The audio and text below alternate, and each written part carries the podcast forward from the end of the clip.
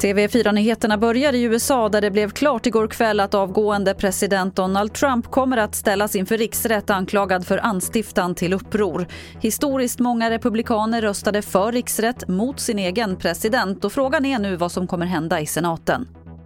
Ja, det går inte att svara på än naturligtvis, men det finns ju antydningar om att till exempel Mitch eh, McConnell som är, är eh, Republikanernas eh, eh, majoritetsledare är på väg att svänga över och kan tänka sig att eh, i vart fall stödja ett åtal och, och kanske också eh, en, en fällande dom så småningom. Det återstår att se naturligtvis.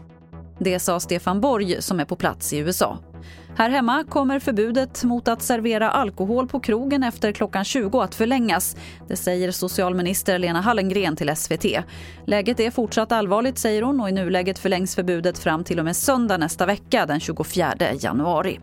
Och till sist kan vi berätta att det satts ett nytt rekord för säsongen när det gäller lägsta temperatur.